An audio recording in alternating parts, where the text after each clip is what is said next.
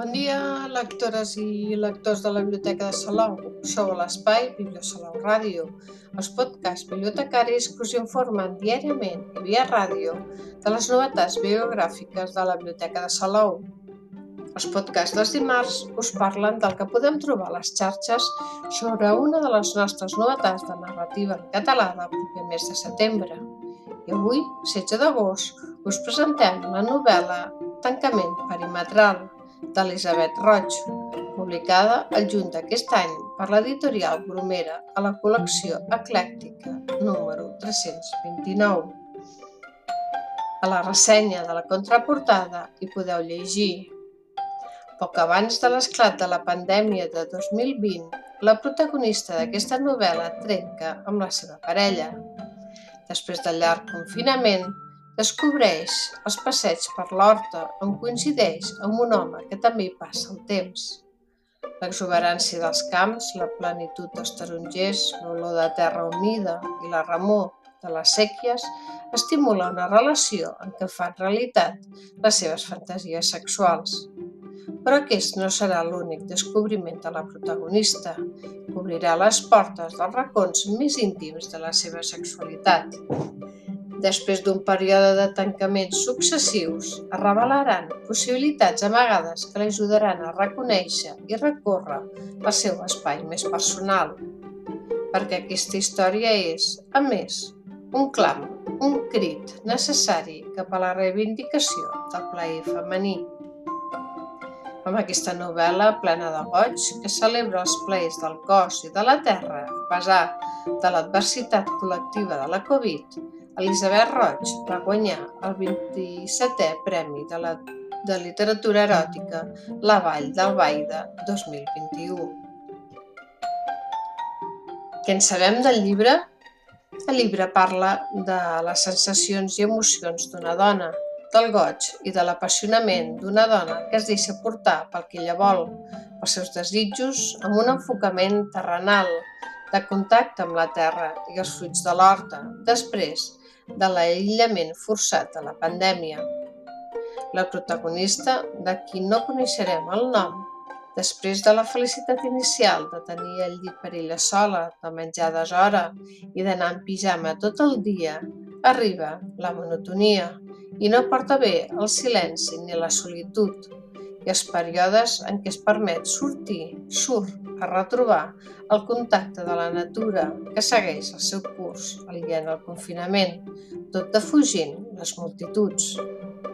I així passejant per l'horta, al mateix punt del tancament perimetral entre els dos pobles, coneix un home sense arribar a conèixer-lo, un desconegut amb qui al llarg dels dies següents podrà compartir el desig, amarats d'horta i de primavera. Vol experimentar el plaer més sensual i redescobrir els plaers del cos i de la terra amb el desconegut anònim durant tot un seguit de passeigs i visites a l'horta del costat de casa, ja en període de desconfinament. A la novel·la, les fruites que la protagonista es menja amb les mans, els sabors, el gust i les textures tenen un paper fonamental i esdevenen una part més de la seva sexualitat i del seu viatge de descoberta, a més de marcar el temps i el progrés de la relació amb el desconegut. Tancament perimetral no és una novel·la eròtica d'estil clàssic, on la història es va esquitxant d'escenes sexuals amb un llenguatge pujat a to, sinó que els personatges viuen la sexualitat a través d'una atracció i una sensualitat per la terra que impregna tota la història, en un tàndem molt poderós entre dona i terra. Es tracta d'una novel·la breu però intensa, on la sensualitat ho impregna tot d'una manera molt subtil, amb un erotisme vell i una sexualitat sense complexos i amb l'estima pel cos. L'argument és molt senzill i té poca acció, perquè el que és important a la novel·la és explicar com se sent la protagonista, els sentiments, les sensacions que desperten el cos. I la forma acompanya aquest contingut, amb un llenguatge més líric i poètic que altra cosa. amb unes descripcions fora dels tòpics de sempre i dels rols de sempre. El llibre té 19 capítols, curts i amb uns marges importants, la majoria titulats amb noms de fruites, com el primer, pacores, que són les primeres collites de maig de les figues, però també porten noms de verdures i de camp. El gènere eròtic no és el camp d'escriptura habitual de l'autora, però durant el tancament per la pandèmia ha explicat que va voler provar amb altres maneres d'escriptura i experimentar un canvi radical d'estil i de públic, com ho va ser la manera de viure per la pandèmia.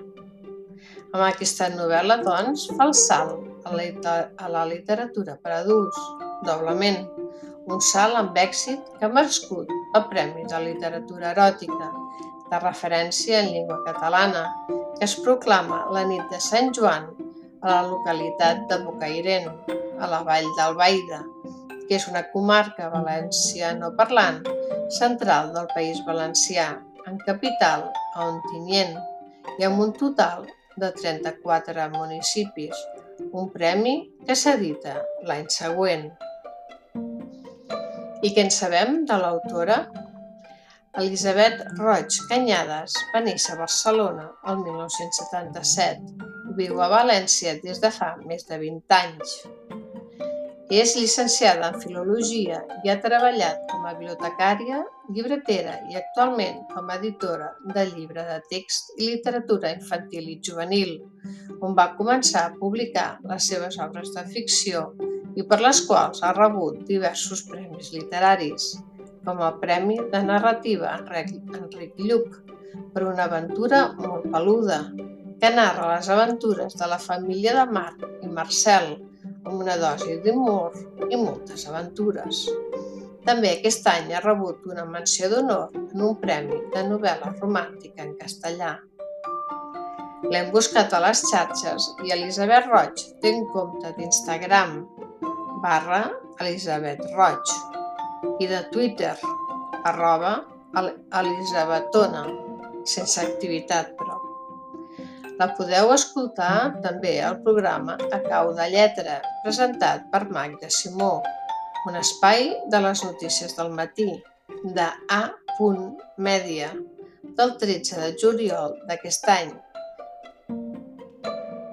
un mitjà de ràdio, televisió i plataformes informatives del, del País Valencià. I fins aquí el podcast d'avui, però tenim més novetats de narrativa en català que anirem descobrint cada dimarts. Que tingueu molt bon dia i molt bones lectures que us acompanyen en el dia a dia.